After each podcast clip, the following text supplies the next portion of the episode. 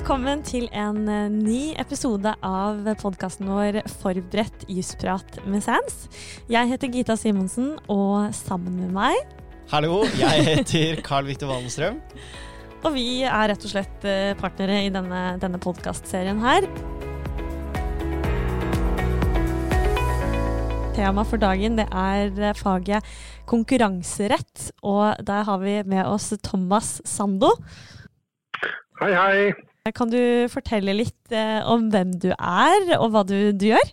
Det kan jeg. Uh, Thomas uh, Sando er, som du helt riktig sa, navnet. Og jeg, jeg, bruker å si når jeg jobber med noe mye, så pusler jeg med konkurranserett i, SANS.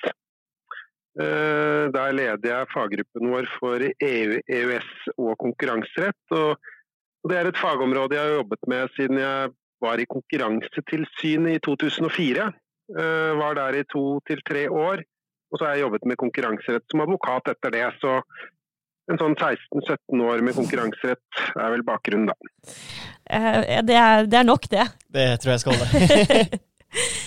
Vi kan jo rett og slett begynne litt overordnet. Thomas, kan du ikke fortelle oss hva er det konkurranserett handler om? Jeg må jo aller først si at konkurranserett kanskje er et av de mest uh, spennende fagene da, på, på jussen. Og nå er dessverre det bare valgfag.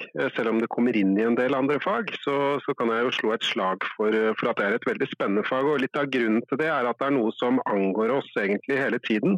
Det berører egentlig Det er en form for markedsregulering i ulike markeder, hvor det offentlige har satt et, et sett med regler som begrenser markedsaktørenes atferd, ut ifra en tanke om at konkurranse er positivt, fordi konkurranse det vil kunne bidra til bedre produkter og lavere priser, og at selve konkurranseprosessen er verdt å beskytte. Det er liksom det overordnede politiske, og så kan det være litt om motstridende hensyn mot konkurranse, selvfølgelig. Og kanskje det klareste i norsk sammenheng har jo vært landbrukspolitikken. Hvor man kanskje har hatt ønske om det motsatte av konkurranse for å beskytte norske bønder mot særlig da importkonkurranse. Da. Så Det er et område hvor, hvor, hvor, andre politiske områder kommer inn, og kanskje konkurransehensynet må, må vike. Så I konkurranseretten så er det da regler som, som egentlig styrer markedsaktørenes atferd eller legge begrensninger for atferden. Og det har vi hatt regler om i mange år i, i Norge. Men i 2004 så fikk vi en, en, det vi fortsatt omtaler som ny konkurranselov. Det begynner jo å bli 16-17 år siden, men, men, da fikk vi en, en, konkurranselov i Norge som er basert på det som på en måte er tema i dag, altså EUs konkurranserettsregler. Så i dag så har man egentlig en blåkopi av EU-EØS-regelverket i, i, norsk konkurranserett. Så, så, når vi diskuterer de materielle reglene underveis her, så tenker jeg at vi veksler litt, litt med å dra norske eksempler og kalle det EU-eksempler, for det er akkurat det samme regelverket. Og det er de samme rettskildene som er relevante. Med unntak av at man under EU-regelverket selvfølgelig har et sånt samhandelsvilkår. Da, at det må påvirke samhandelen mellom statene. Det gjør det jo ikke hvis du anvender konkurransereglene i Norge eller Sverige eller andre nasjonalstater. Nei. Så det er, det er, litt sånn fugleperspektiv. Og så er det jo veldig praktiske regler. Altså i den forstand at det kommer inn på, på, veldig mange områder som man kanskje ikke tenker på. Det skaper litt overskrifter. Dagligvarebransjen er jo et, et område hvor det har vært mye i de siste, siste månedene og årene, egentlig. Telenor får jo noen ganger unngjelde. Det er, det er ganske ofte saker som vedrører konkurranserett i media. En av de aller siste er jo også bokbransjen, hvor de store forlagene har blitt beskyldt for å utveksle konkurransesensitiv informasjon gjennom denne bokbasen. Mm. Som kanskje dere har lest om. Men når du, Thomas, og resten av gjengen i Sands jobber med konkurranserett, hva er det dere driver med da? Vi driver egentlig med veldig mye av det jeg håper vi skal snakke om etter hvert i dag. Det går på, på risikovurdering av avtalestrukturer, mulig samarbeid. Noe som har vært veldig hot hvis jeg kan bruke det begrepet. Det siste er jo prosjektsamarbeid i entreprisebransjen. Um, og det kan være distribusjonssystemer, altså valg av distribusjonssystem. Skal man velge agent, eller skal man være en selvstendig distributør, og hvilken betydning for det, uh, og hva man kan avtale. Uh, så det kan være kall det morsomme ting hvor man skal få til noe, eller det kan være at man ser på ting som allerede har, uh, har funnet sted, da, og prøver å, å, endre litt for å gjøre at man blir compliant.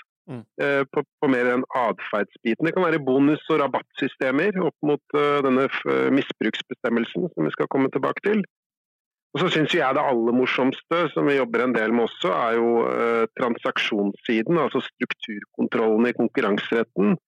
Uh, som ofte begynner med en vurdering, stor eller liten, avhengig av hvor komplisert det er. Av en risikovurdering av om et oppkjøp vil kunne passere eller ikke. Altså passere blir godkjent av myndighetene. Og så gjøre selve fusjonskontrolljobben også for, eh, for det kjøpende selskap. Altså meldingsprosess til Konkurransetilsynet, møter. Eh, gjerne i tett samarbeid med konkurranseøkonomisk ekspertise. Dette er et fagområde hvor økonomi spiller en stor rolle, hvor vi ofte jobber tett sammen med de, de beste i Norge på konkurranseøkonomi. Da. Uh, typisk fra Handelshøyskolen eller, eller sosialøkonomer fra Universitetet i Oslo. Det er kanskje de morsomste sakene. Og særlig hvis vi får gjennomslag for litt, litt, kompliserte saker i tilsynet også. Da blir jo ofte klientene fornøyd, og det gjør vi også. Du var litt innom uh, noen av de temaene vi skal snakke om, uh, men fortell, fortell, oss mer. ja. ja. det jeg tenkte da når vi skal ha uh, konkurranserett Eh, som tema i podkasten, så, eh, så, vil det være naturlig å, å, egentlig berøre alle de tre det jeg kaller for hovedreglene. Da. Det ser jeg også gjenfinnes i læringskravene på universitetet. Altså De tre hovedreglene er for det første dette forbudet mot konkurransebegrensende samarbeid, som man finner i, i traktatens artikkel 101. Det er jo tilsvarende uh, paragraf 10 i, uh, i den norske konkurranseloven. Eh, det bør vi si noe om. Eh, og så bør vi også si noe om eh, forbudet i artikkel 102, som ofte kalles for misbruk av dominerende stilling-forbudet. Som, som, er interessant, men som da bare gjelder for, for selskap som kvalifiserer på den måten at de har en dominerende markedsposisjon. Så det gjelder ikke for alle. Um, og så har du den tredje hovedregelen, som er da fusjonskontrollen eller strukturkontrollen. Var jeg litt inne på til slutt. Uh, og som gjelder de tilfellene der uh, selskap uh, ønsker å slå seg sammen eller kjøpe opp hverandre. Da, da skjer det en endring av markedsstrukturen, og det er også egne regler for. Og Så tenkte jeg at kanskje man skulle begynne med noe som er relevant og felles for så vidt for alle disse reglene, og det er det man i konkurranseretten kaller for avgrensningen av det relevante markedet. Fordi man kan ikke vurdere konkurranserettslige regler uten å snakke om uh, markedsavgrensning. Da. Ja, Hvorfor er det så viktig i konkurranseretten? Markedsavgrensningen er viktig eh, fordi den rett og slett er helt nødvendig for å kunne beregne markedsandeler. Og, og markedsandeler har betydning både i relasjon til artikkel 101, artikkel 102 og i fusjonskontrollen. Og Derfor så er eh, nei, eh, markedsavgrensning viktig. Eh, og markedsavgrensning er ofte det vi ser i praksis, der slaget står. Fordi at Som vi skal komme litt tilbake til Hvis man klarer å få med veldig mye forskjellig inn i det relevante markedet, så blir markedsandelen ofte mindre. Og små markedsandeler, det er positivt når man er i konkurranseretten. Ehm, I motsetning til når man skal selge, selge seg inn eh, for investorer. Eh, høye markedsandeler tvert imot, da kan jo verden bli litt, eh, litt, vanskeligere i relasjon til alle reglene. Så ofte så er det en kamp mot konkurransemyndighetene om å få markedet så, så, vidt som mulig, hvor man får inkludert så store geografiske områder som mulig og så mange produkter som mulig. Mens myndighetene har en tendens til å ville se på veldig snevre markeder. Man må på en måte definere konkurransearenaen. Jeg pleier å sammenligne det når jeg snakker med klienter om en sirkel jeg med, passen, med passeren. ikke sant? Du lager en, en sirkel, og inni den sirkelen så får du plassert alle som konkurrerer i dette relevante markedet. Når du gjør det, så kan du uh, putte all den omsetningen eller alt det volumet til de aktørene som får plass inn i den sirkelen. Og da får du beregnet et uh, totalmarked. Og når du får beregnet et totalmarked, så kan du også beregne markedsandeler. Og hvordan går man til verks da, når man skal finne ut, når man skal avgrense markedet? Da eh, kan jeg jo nevne at det finnes eh, en egen eh, guideline som Europakommisjonen har laget. Vi bruker jo disse guidelinene mye i praksis, og det er jeg sikker på studentene gjør også. Så du har en egen guideline eller notice om avgrensningen av det relevante markedet. Så der vil man jo finne god veiledning. I veldig korte trekk så består markedsavgrensningen egentlig i å finne ut hvilke alternative forsyningskilder har kundene av disse produktene. Eh, både når det gjelder måte produktkarakteristika og geografi. Og, I det ligger det at man både må definere det relevante produktmarkedet. Hvilke produkter er ombyttbare med hverandre, altså hvilke er substituerbare. Hvis f.eks.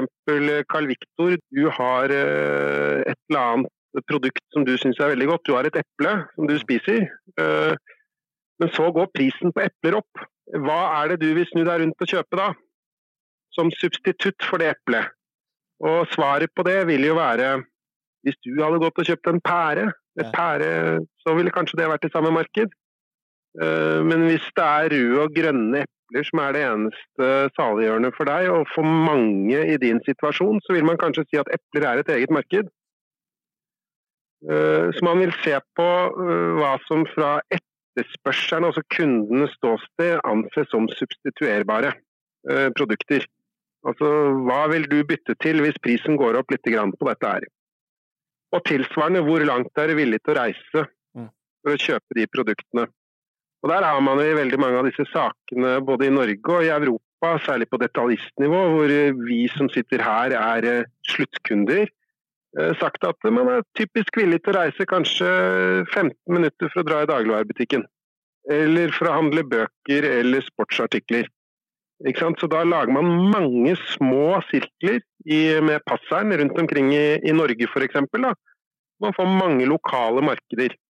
Hvor det kanskje ligger én Coop, en Rema og en Kiwi, og kanskje en Meny.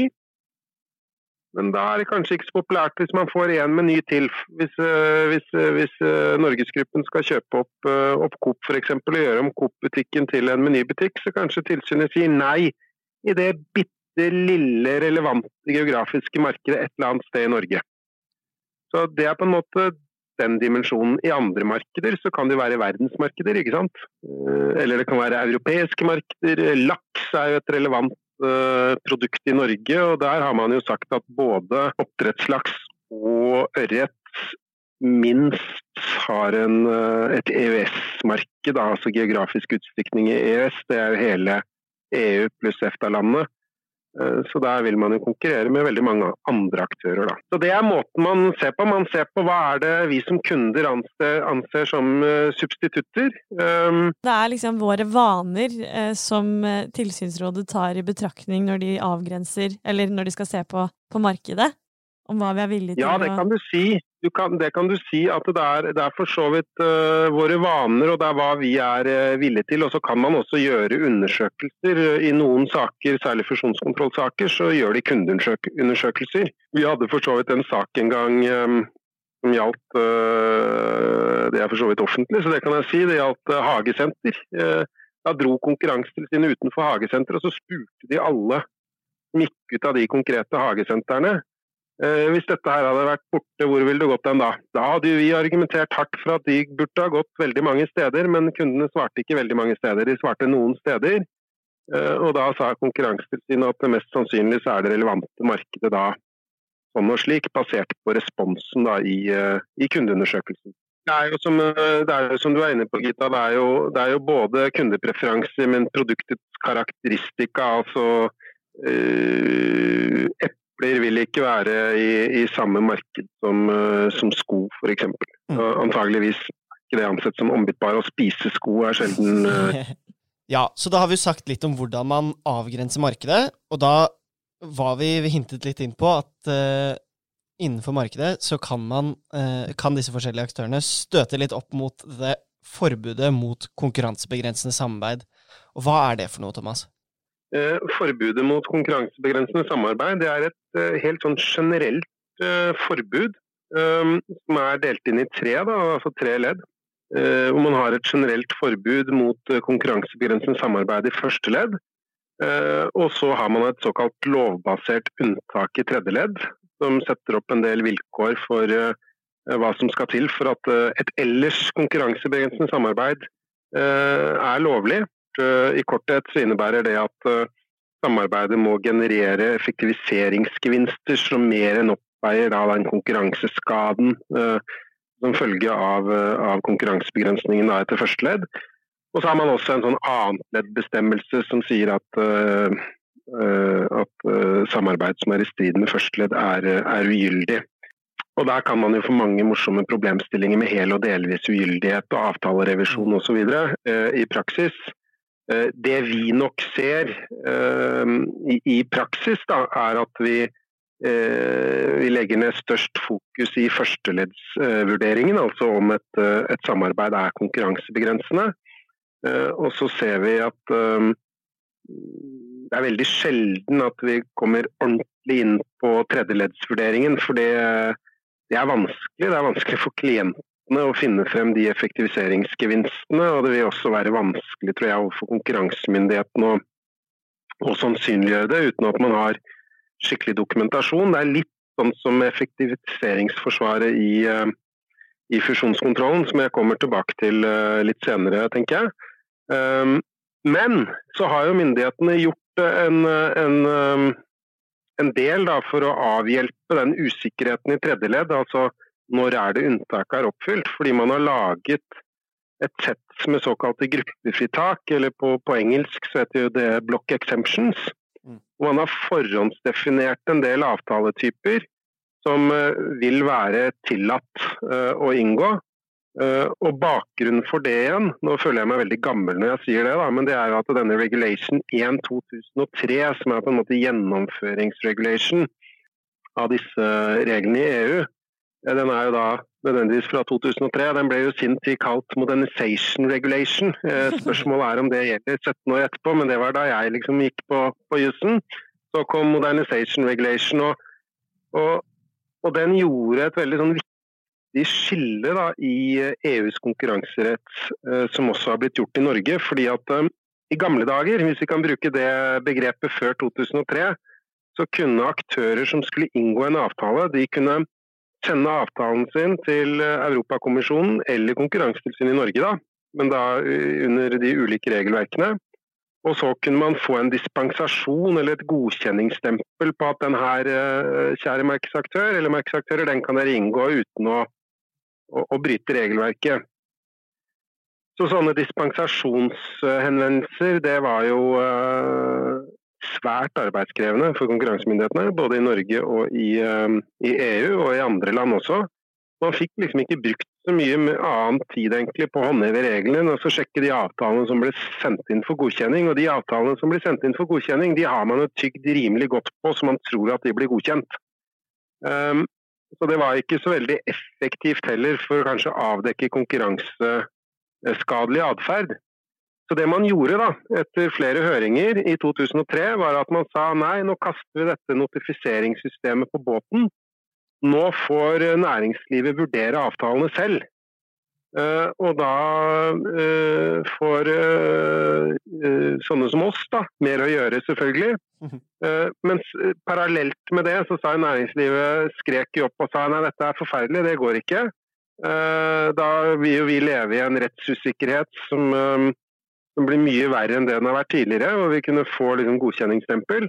Og svaret på det ble jo da langt flere guidelines eh, og notices, som det heter på godt engelsk, eh, og gruppefritak, sånn at det blir større rettssikkerhet da, i, eh, i, eh, i, eh, i, næringslivet. Mm. Og det har du på en måte både under artikkel 101, artikkel 102 og under mergers også, så har du masse uh, guidelines.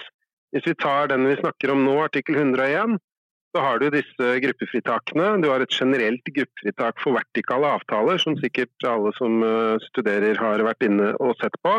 Du har egne gruppefritak for, uh, for biler, bl.a. Uh, og forsikring. Altså du har veldig mange ulike gruppefritak. Og så har du i tillegg eh, eh, egne guidelines for horisontale avtaler og egne guidelines for vertikale avtaler, eh, som er veldig nyttige å gå inn og se på. For da kan man se på enkelttyper av avtaler og eller klausuler og få veiledning for hvordan man skal, skal på en måte vurdere de etter konkurransereglene. Da. Så eh, det er liksom fugleperspektivet på artikkel 101 én, og går man inn i første ledd, så er jo hele kjernen i bestemmelsen egentlig at det må skje en eller annen konkurransebegrensning som følge av et samarbeid. Eh, og det må være mellom foretak. Altså Bestemmelsen i 101 avgrenser jo da mot ensidig atferd. Det må være en eller annen form for samarbeid. Eh, bestemmelsen selv snakker jo både om agreement og concerted practice. Og i, eh, i, praksis har dette avtalebegrepet det har blitt strukket veldig veldig langt. Det skal ikke mye til uh, før man sier at det foregår Nei, jeg har funnet sted en avtale eller foreligger et samarbeid etter første, første ledd. Uh, illustrerende de siste årene har vært det som går på såkalt ulovlig informasjonsutveksling, som har vært rammet av artikkel 101. Um, der er det tilstrekkelig at uh, jeg f.eks.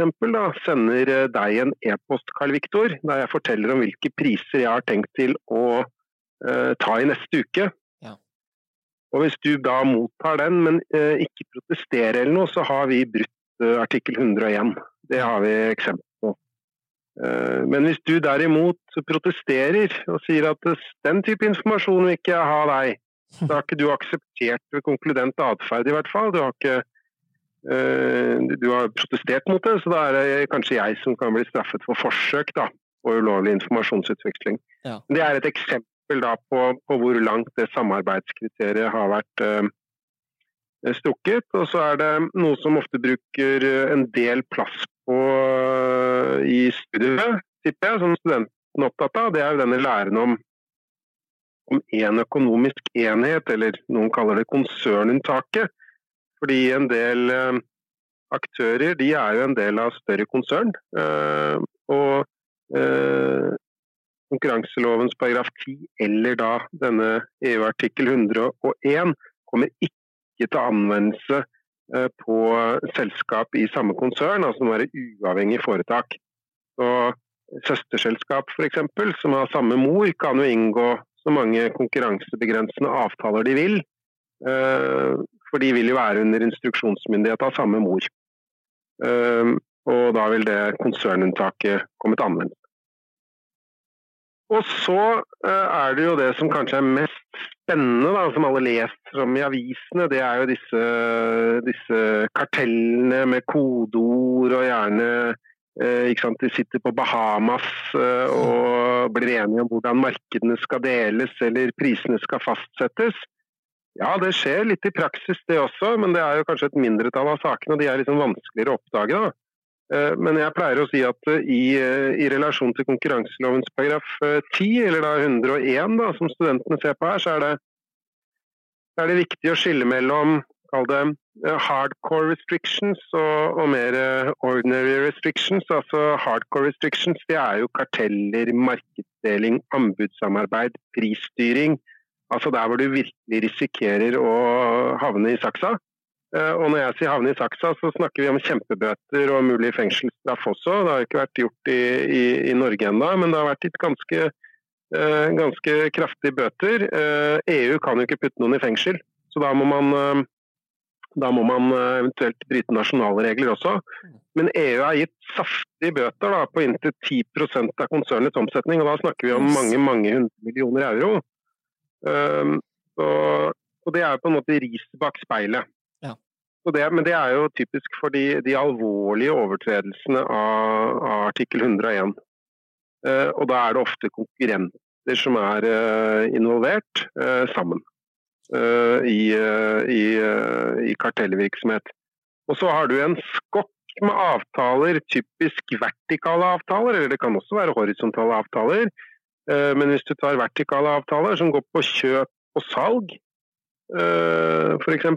Eh, helt rene distribusjonsavtaler, som kan være konkurransebegrensende, men som ikke nødvendigvis fører til de største bøtene eller har de, de, samme umiddelbare konkurransebegrensende effektene. Men det kan være at man må foreta en avtalerevisjon da, og påstå ugyldighet f.eks. For eksempel, fordi de går for langt. Da har du snakket om eh, karteller nå. Eh, er det under horisontale avtaler? Stort sett? Ja. Mm. Karteller er horisontale avtaler, og der har man jo egne retningslinjer i, som man finner på både Europakommisjonens hjemmesider og også ESA sine hjemmesider, som er egentlig veldig gode. Eh, som, som, regulerer horisontale avtaler. og Der er det nok sånn at uh, avtaler som går på samarbeid om pris, fremtidig markedsatferd, fordeling av geografiske områder eller kunder, det, eller anbudssamarbeid, det er stort sett alltid forbudt. Så det må man passe på. Det vil typisk være en sånn formålsovertredelse. Fordi i artikkel 100 og én, samme som i konkurranselovens paragraf 10, så skiller man mellom eh, formål- og virkningsovertredelser. og Det er jo særlig de overtredelsene da, som man sier har til formål å begrense konkurransen, eh, som vil eh, være mest alvorlige. Eh, men så har man masse horisontalt også, Gita, som du var inne på, som kan være positivt. Eh, fordi det er jo ikke bare samarbeid om felles salg som eh, som kan være samarbeid mellom konkurrenter. F.eks. så vil eh, samarbeid om felles distribusjon. altså Man fastsetter prisene hver for seg, men man har funnet at det er effektivt og regningssvarende å putte varene i samme bil, for de er jo halvfulle allikevel. Og Så får man noen gevinster, og så kommer de gevinstene kundene til gode. Det kan være positivt. Innkjøpssamarbeid er jo noe som ofte kan generere store gevinster, istedenfor at man sitter og har Eh, seks forskjellige forhandlinger, så samler man det i én forhandling. Der ligger det en stor gevinst allerede. Og så får man kanskje da gjennom å samle volumet oppnå litt bedre innkjøpsbetingelser. Og hvis man da er flink til å dytte de innkjøpsbetingelsene videre til neste trinn i omsetningskjeden, så er det gevinster eh, for alle. Unntatt kanskje den dominerende leverandøren, da, som ikke kan spille disse innkjøperne eh, opp mot hverandre. da.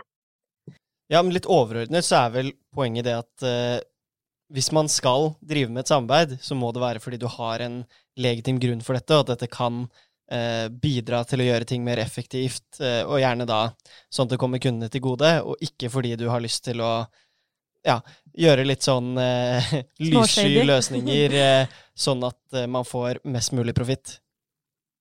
Det er en, egentlig en veldig sånn fin uh, oppsummering, syns jeg, det du uh, tok der, Karl Viktor. Og så er det klart at det vi bruker å si til våre klienter, er jo at skal du innlede et samarbeid med, med en konkurrent, så bør du alltid komme oss og sjekke det hos ja. oss. Uansett hva det er for noe. Uh, skal du med en leverandør eller en kunde, så skal det ikke, da skal det mer til før du bør sjekke det konkurranserettslig, mindre du heter Tine eller Telenor eller noen andre som har en veldig høy markedsandel, som bør, som bør kanskje sjekke ut uh, stort sett all avtalepraksis med konkurranserettsekspertise. Da. Men for studentene uh, der er det viktig å kunne lage seg en sånn enkel kjøreplan på hvordan man skal analysere en avtale. Da, og da tenker jeg at man uh, i tillegg til å bare sjekke ut disse vilkårene da, i artikkel 101, altså her har man et samarbeid, ikke sant, og man står overfor minst to da, uavhengige foretak. altså Dette konsernunntaket kommer ikke til anvendelse. Og eh, Man sier også at eh, dette her vil kunne ha en samhandelsvirkning. altså Det vil kunne påvirke samhandelen mellom medlemsstatene. Det er ganske enkle ting å sjekke ut tidlig, de tre. Eh, så må man også sjekke ut at eh, samarbeidet eh, kan påvirke konkurransen merkbart. for Man har jo noe så snedig som bagatellunntaket, eh, som det er en egen retningslinje på også. Eh, men i hvert fall dette merkbarhetskravet da, som er innfortolket i EF-praksis, som sier egentlig at det helt sånn eh, ja, bagatellmessig samarbeid, det vil vi ikke bry oss om.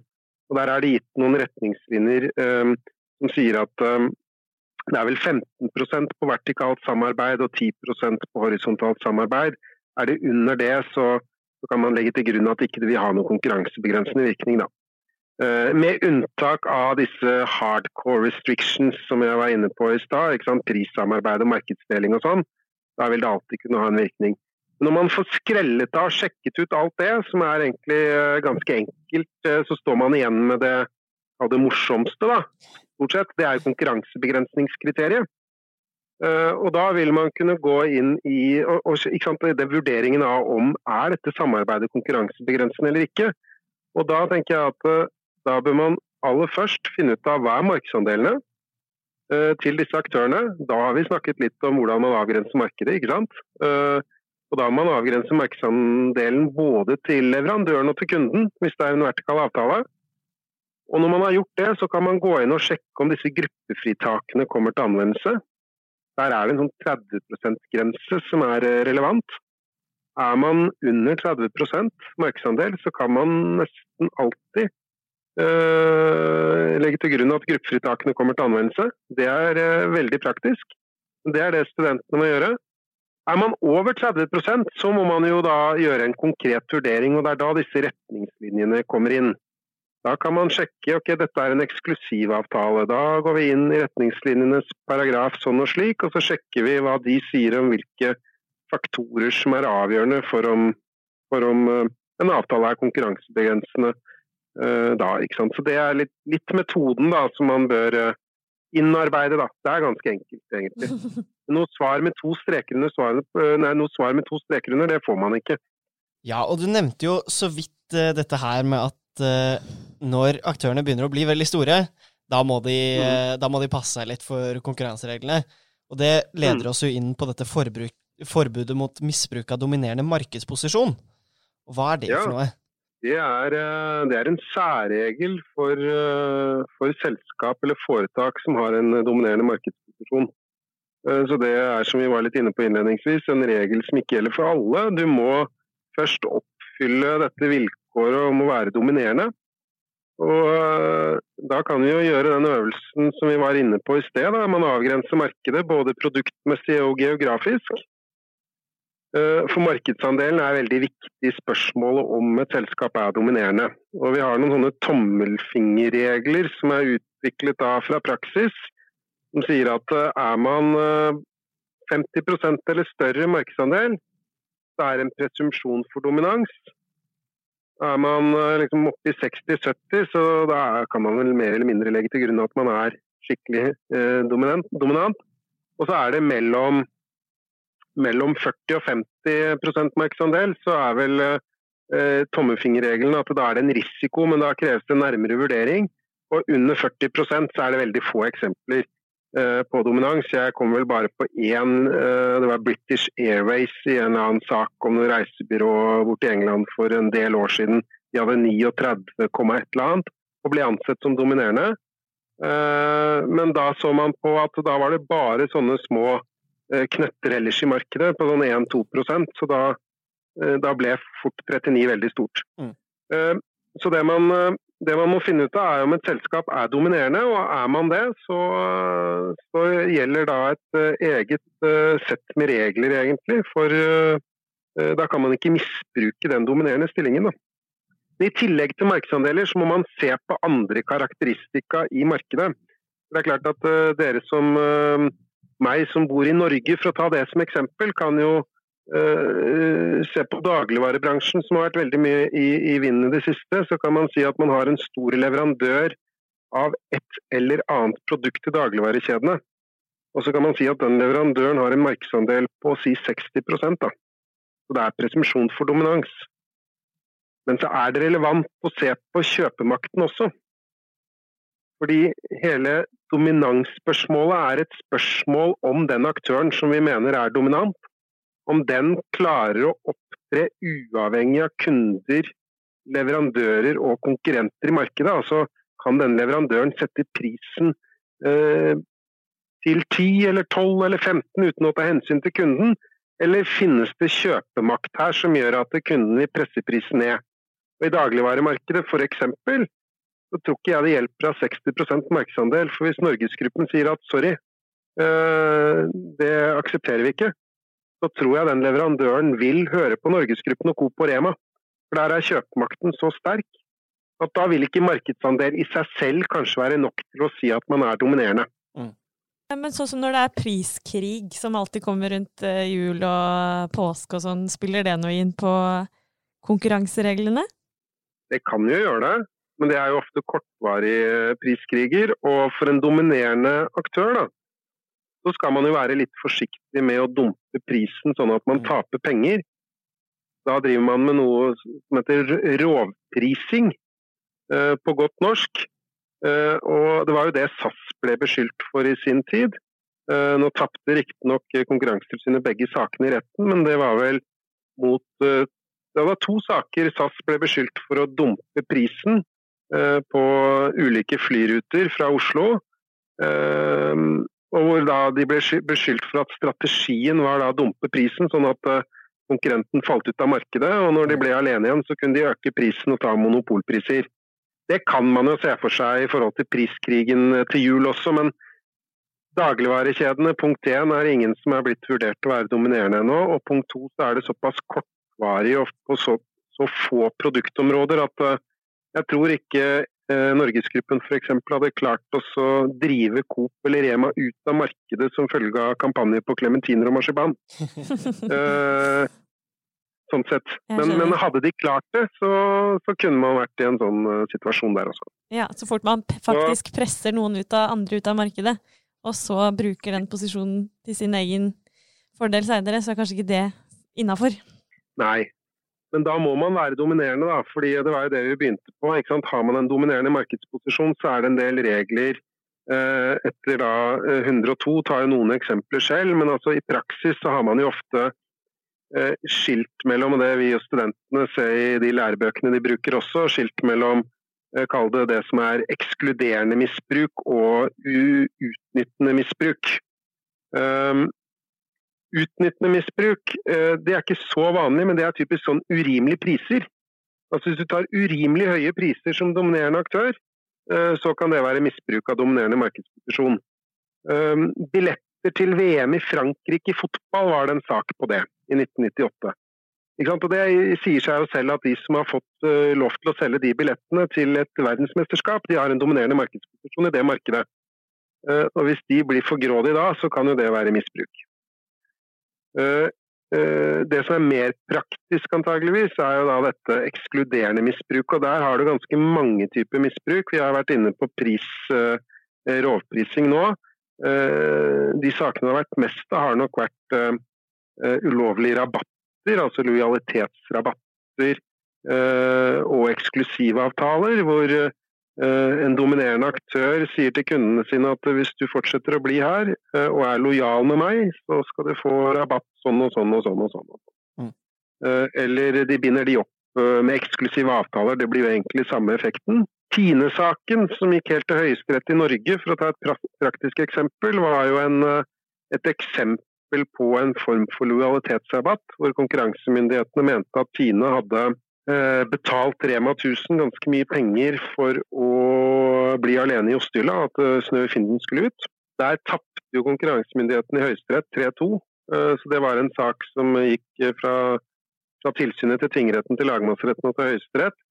Kan man mene mye om den saken, men det var i hvert fall et eksempel på den type problemstilling i norsk sammenheng. Da. En lojalitetsrabatt. Og så har du en annen type misbrukshandling som har vært eh, for så vidt oppe i media også i Norge, og som har et internasjonalt tilsnitt, i hvert fall fordi den vedrører Sverige. Det er jo eh, Fjordline og Color Line, eh, Strømstad-Sandefjord. Altså tilgang til havn, f.eks. Den som eier en havn vil jo ofte være dominerende, fordi det er ikke så veldig mange havner man kan anløpe. Og Da vil jo en kalle det en, eh, en nektelse av å gi en aktør tilgang til havn for å kunne konkurrere i et marked, kunne være en såkalt ulovlig leveringsnektelse. Det vil også kunne utgjøre misbruk av dominerende markedsposisjon. Så disse store aktørene har ganske begrenset mulighet til å skaffe seg bedre konkurransevilkår enn andre, basert på det at de er store og har en dominerende posisjon? Ja, jeg vil heller snu på det, Karl Viktor, og si at de store aktørene som er eh, dominerende, og det har også vært uttrykt av EU-domstolen, de har et særlig ansvar Ja. for å opprettholde konkurransen i markedet. Mm. Så det gjelder et strengere regelsett for dem. Ja. Så, mens jeg f.eks. som liten og ikke-dominerende kan gi så mange bonuser og rabatter jeg vil, så kan ikke du, hvis du er dominerende, gjøre det samme. Så man skulle liksom tenke at det var best å være størst og sterkest, men det er ikke alltid sånn, altså. Men eh, la oss si jeg eier havna, da. Eh, hva kan jeg gjøre som kan utgjøre misbruk? Nei, da, da, kan jo du, da kan jo du nekte å gi meg tilgang, da. Du gir bare Carl Victor tilgang til den havna for å utøve en tjeneste. Det bør ikke være fergetjeneste, det kan være noe annet. Eh, men da blir jo vurderingstema om den eneste muligheten for meg til å drive i konkurranse med Carl Victor, det er å få tilgang til deg. Mm. Hvis de ligger i havn 50, øh, eller, ja, 50 meter, eller eh, kanskje litt lenger, da, 5 km lenger bort, eh, som har de samme fasilitetene, så vil jo ikke tilgang til din havn, Gita, være avgjørende for at jeg skal kunne konkurrere i markedet. Men hvis du er the one and only uh, for at jeg skal kunne konkurrere i det markedet, så vil uh, nektelse kunne være et misbruk, ja. Eller hvis du gir meg så dårlige tilgangsbetingelser, og det er jo noe vi ser typisk hvis man både eier fasilitetene og konkurrerer nedstrøms. Altså, hvis du hadde konkurrert med meg, Gita, så hadde du gitt meg kjempedårlige tilgangsbetingelser som gjorde at eh, det hadde vært umulig å konkurrere med deg i det markedet eh, for den tjenesten. Så ville også det kunne vært eh, eh, et misbruk. Da hadde du utnyttet på en måte din vertikale integrasjon, da, Mm. for å bruke et veldig spennende ord. Ja. Men vertikal integrasjon er jo ofte noe som kan utgjøre en fordel, og det har vi sett særlig i telemarkedene. Mm. Mange telemarkeder som har vært avmonopolisert eller liberalisert, hvor eh, aktører i hele Europa, ikke bare Telenor i Norge, men det var British Telecom og andre, de har jo sittet og eid fasilitetene. Og så har jo da liberaliseringen begynt med at andre skal få tilgang til de fasilitetene, sånn at det i hvert fall blir konkurranse uh, i de markedene, distribusjonsmarkedene. Men da har jo fristelsen vært ganske stor, så du har en del saker på å gi de nye aktørene like gode betingelser som man gir til seg selv. da. Mm. Eh, og Derfor så er det så viktig, mener mange, å få bygd ut flere nett, sånn som man er i ferd med å få gjort uh, mange steder, også i Norge, ikke sant? med både Telia, Telenor og noe Ice da, Mm. uh, på mobil. Vi har snakket litt om hvordan man kan vurdere sånne handlinger i praksis, men, men tilbake til den Tine-saken. da. Kan du fortelle litt om hvordan de vurderte utfallet der? Ja, det er et godt, godt spørsmål. Eh, hva egentlig Høyesterett drev med der. Eh, det var nok en konkret eh, bevisvurdering, og det var litt flåste sagt. fordi at og Nå sitter jeg ikke med, med dommen foran meg, men, men det var nok en helt sånn konkret bevisvurdering. Og jeg tipper at Tine og Rema 1000 de hadde en felles interesse. De hevdet jo at denne påståtte avtalen ikke var inngått med formål om å at Synnøve Finden skulle ut. Uh, det var tvert imot uh, et ønske i Rema 1000 om å drive med noe som populært ble kalt leverandørkonsentrasjon. Altså vi skal ha færre leverandører. Det har jo for så vidt Rema vist i de senere åra at de også har vært opptatt av. Denne bestevennsstrategien den slo vel ikke helt heldig ut uh, sånn kommersielt da, men altså det, det, var, det er litt samme bane, da.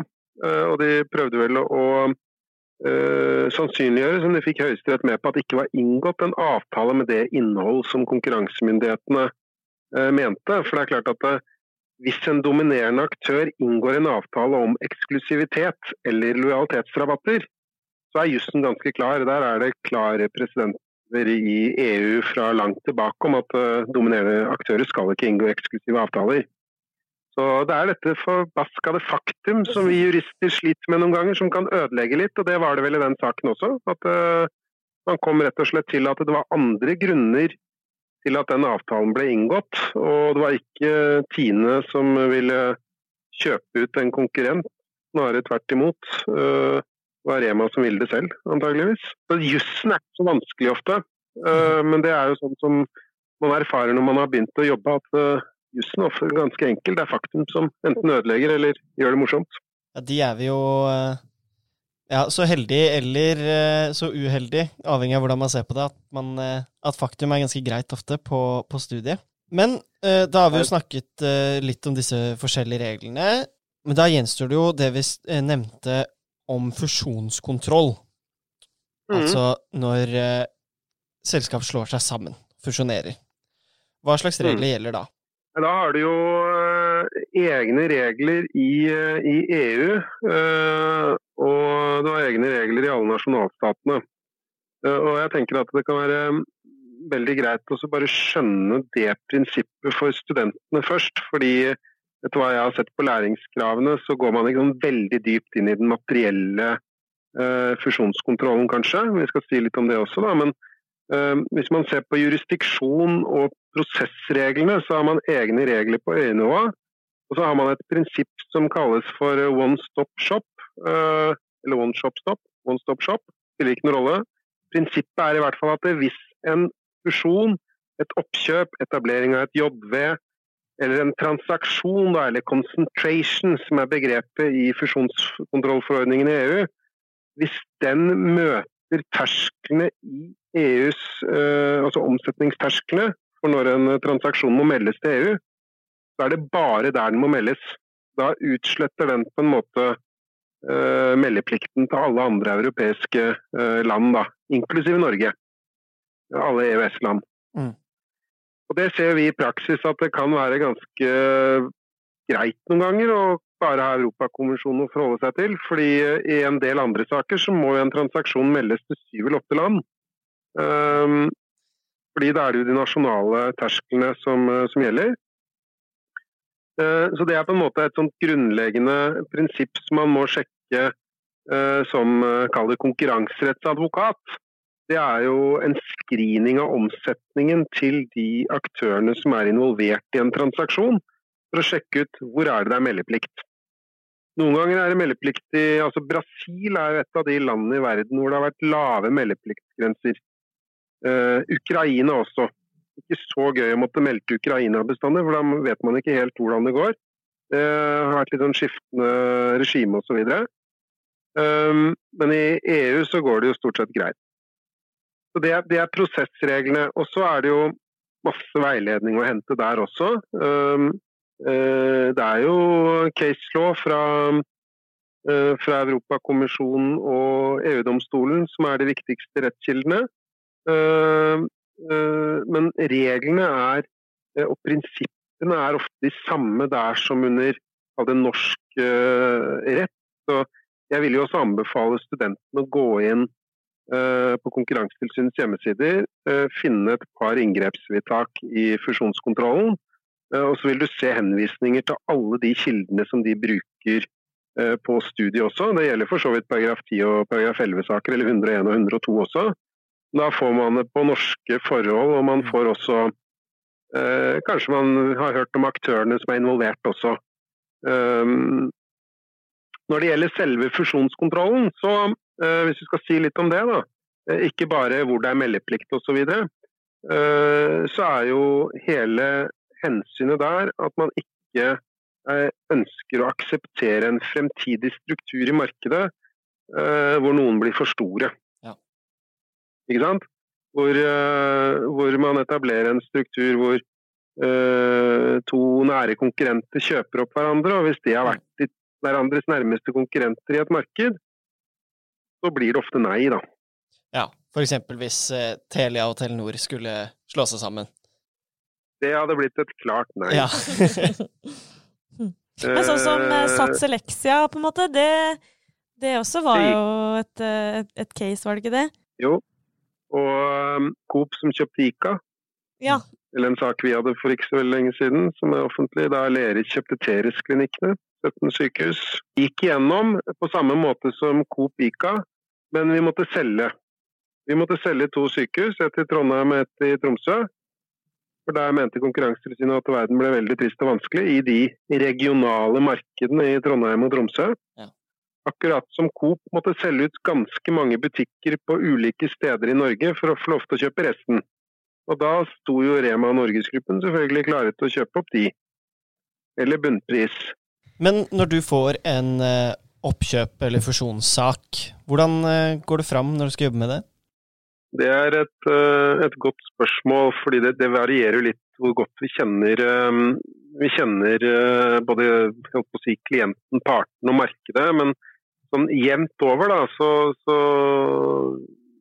så, lever jo jeg som konkurranserettsadvokat litt sånn i symbiose med eh, M&A-avdelingen, altså de som pusler med transaksjoner og selskapsrett hos oss. fordi at eh, de holder jo da ofte i, i transaksjonen, og så gjør vi konkurranserettsbiten.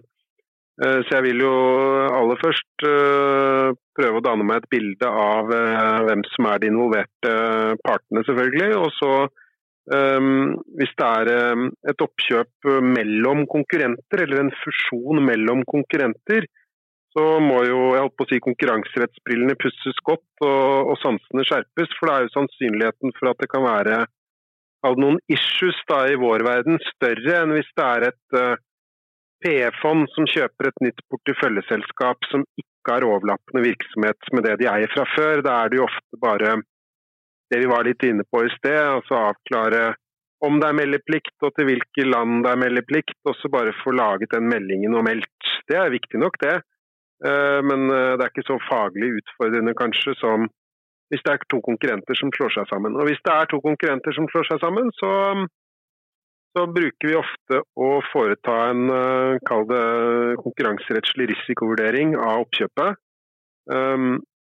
Det hender vi gjør når vi er på selgersiden også, fordi da kan det være mange beilere sant, som har lyst til å kjøpe dette selskapet vi skal selge, eller klienten vår skal selge. Eh, og da kan konkurranserettslig risiko, hvis alle har lyst til å betale like mye, så kanskje man velger det selskapet hvor det er minst konkurranserettslig risiko, hvis det står mellom to. Eh, fordi at man ønsker jo ikke da en prosess på et halvt til ett år i, Bergen eller med Konkurransetilsynet, hvis man kan få dette gjennom for samme pris med en ikke-konkurrent. Så en konkurranserettslig risikovurdering har betydning både uh, for at uh, vår klient skal vite hva er sannsynlig utfall her, men også når man skal skrive avtalen med, med typisk kjøper, da, hvis man er på selgersiden.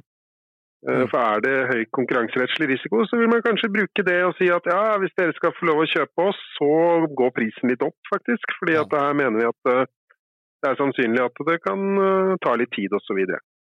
Men i den risikovurderingen, da, for det er jo det egentlig studentene er opptatt av, de er ikke opptatt av hvordan ting skjer i praksis på samme måte, i hvert fall ikke til eksamen. Men i den risikovurderingen så må man jo først avgrense markedet, det har vi vært inne på. Altså hvor er overlappet? Er uh, selskap A og B, har de overlappende virksomhet i ett eller to eller 15 markeder? Det spørs litt hva de driver med. Eh, og Så må man prøve å beregne markedsandeler i de markedene, og så må man gå inn og se på eh, hvem er kunden i dette markedet. Eh, er det noen kjempestore aktører som utøver kjøpemakt, sånn at det gjør ikke noe at man blir ganske stor? Eller er det sånn som oss tre forbrukere, som ikke har noe særlig kjøpemakt, for å ta liksom motpolene? Hvor lett er det å etablere seg i markedet? Det er veldig viktige etableringshindringer. At, og Grunnen til at det er viktig, er er fordi at hvis, eh, hvis den nye sammenslåtte enheten eh, øker prisene, og det er veldig enkelt da for en ny aktør å ploppe opp og se at her er det lett å etablere seg, og her kan jeg faktisk tjene penger, for de tar jo altfor høyt pris, de som er i markedet i dag. Så er det ikke så farlig å tillate oppkjøpet. Men hvis det derimot nesten er umulig å etablere seg, altså det kreves store stordriftsfordeler, eller det er mange teknologiske barrierer, eller andre barrierer som gjør at uh, nyetablering er vanskelig, så vil det være relevant. Altså, det er forhold vi undersøker. Um, og så vil man jo også kunne, i de mest kompliserte transaksjonene, så vil man også kunne um, spørre uh, klienten, selvfølgelig. Altså, det er jo ofte fornuftig å vite om det med en gang. Hva er formålet? Og veldig så ofte så er jo formålet at man skal ta ut noen synergier. da. Eh, og Da kan man jo også i konkurranserettslig fusjonskontroll, sånn som under paragraf 10 tredje ledd, eh, bruke det såkalte effektivitetsforsvaret. Altså Man sier at eh, ja, men kjære konkurransemyndighet, vi ser at vi får høy markedsandel og sånn og slik, men her sånn så vil det være så store effektiviseringsgevinster som mer enn oppveier konkurranseskaden, så dette må dere si ja til uansett. I norsk sammenheng så har ikke det vært brukt mange ganger, men det har vært brukt med hell i eh, DNB Nord-fusjonen. Og det sier seg jo selv. ikke sant? Da hadde man masse bankfilialer rundt omkring som man uh, hadde dobbelt av, og så kunne man istedenfor å ha dobbelt opp, uh, slå de sammen. Og så det var masse penger å spare på å si opp folk og slå sammen uh, doble funksjoner. da. Så der ble det brukt. Og så må man melde, da. Og så må man antageligvis regne med å, å eh, til konkurransemyndighetene, og her vil det være Europakommisjonen. Eh, så vil man kanskje måtte regne med å komme med noe supplerende informasjon. Så vil Europakommisjonen da typisk eh, markedsteste det vi har sagt med kunder og konkurrenter. De vil få spørsmål. Og så vil jo saken da kunne løpe avhengig av hvor enkelt og vanskelig det er. Eh, enten ved at det blir en klarering ganske tidlig, eller at eh, man går mot eh, inngrepsvarsel og, og inngrep da i verste fall. Og, og, det klareste inngrepet, det er jo, det er jo et rent forbud. Men så har jo vi da, og partene hele tiden anledning underveis i prosessen, hvis vi ser at ah, dette her kan bli litt kilent, til å tilby avhjelpende tiltak typisk frasalg av deler av virksomhet som da løser de problemmarkedene som er identifisert. Da. Og så tenkte jeg å nevne én ting til som kan være litt relevant nå i disse dessverre covid-19-tider, og vi ser at markedene sliter. Så det kan godt hende at man har fokusert litt ekstra på det eh, på universitetene. I hvert fall så har det vært eh, skrevet litt om det i media og sånn. Og det er jo dette såkalte fallittbedriftforsvaret, eller eh, sailing firm, det heter på engelsk. Og Det er jo en lære som er utviklet da, eh, i fusjonskontrollen, og som i korte trekk går ut på at eh, man sier at eh, den er brukt i Norge én gang. Eh, det var da SAS fikk kjøpe Bråtens. Mm. Kan du ta den først? Da ringte, sier i hvert fall historien sier at Viktor Nordmann, som var minister den gangen, ringte rundt og spurte om ikke det var noen andre som ville kjøpe et flyselskap. Men det var ingen som ville det. Eh, og da var tanken at da kunne like gjerne SAS få kjøpe det. fordi eh, hvis ikke SAS fikk kjøpt det og reddet noen arbeidsplasser og sånn, så hadde SAS tatt markedsandelene likevel. Så det var ikke noen årsakssammenheng mellom at SAS fikk kjøpe det og den konkurranseskaden. Mm. Eh, fordi at det var et failing firm. Altså Bråtens kunne ikke overleve selv. Viktor Nordmann fant ikke noen andre kjøpere. Så alternativet til konkurs, altså SAS hadde tatt markedsandelen. Så Det er et, eh, et, eh, spennende tema innenfor konkurranseretten, eh, som ikke har vært brukt mange ganger, men som typisk vil kunne komme opp igjen nå, tenker jeg. For jeg tror at vi vil se mer problemer i markedene i månedene og kanskje nærmest året, dessverre.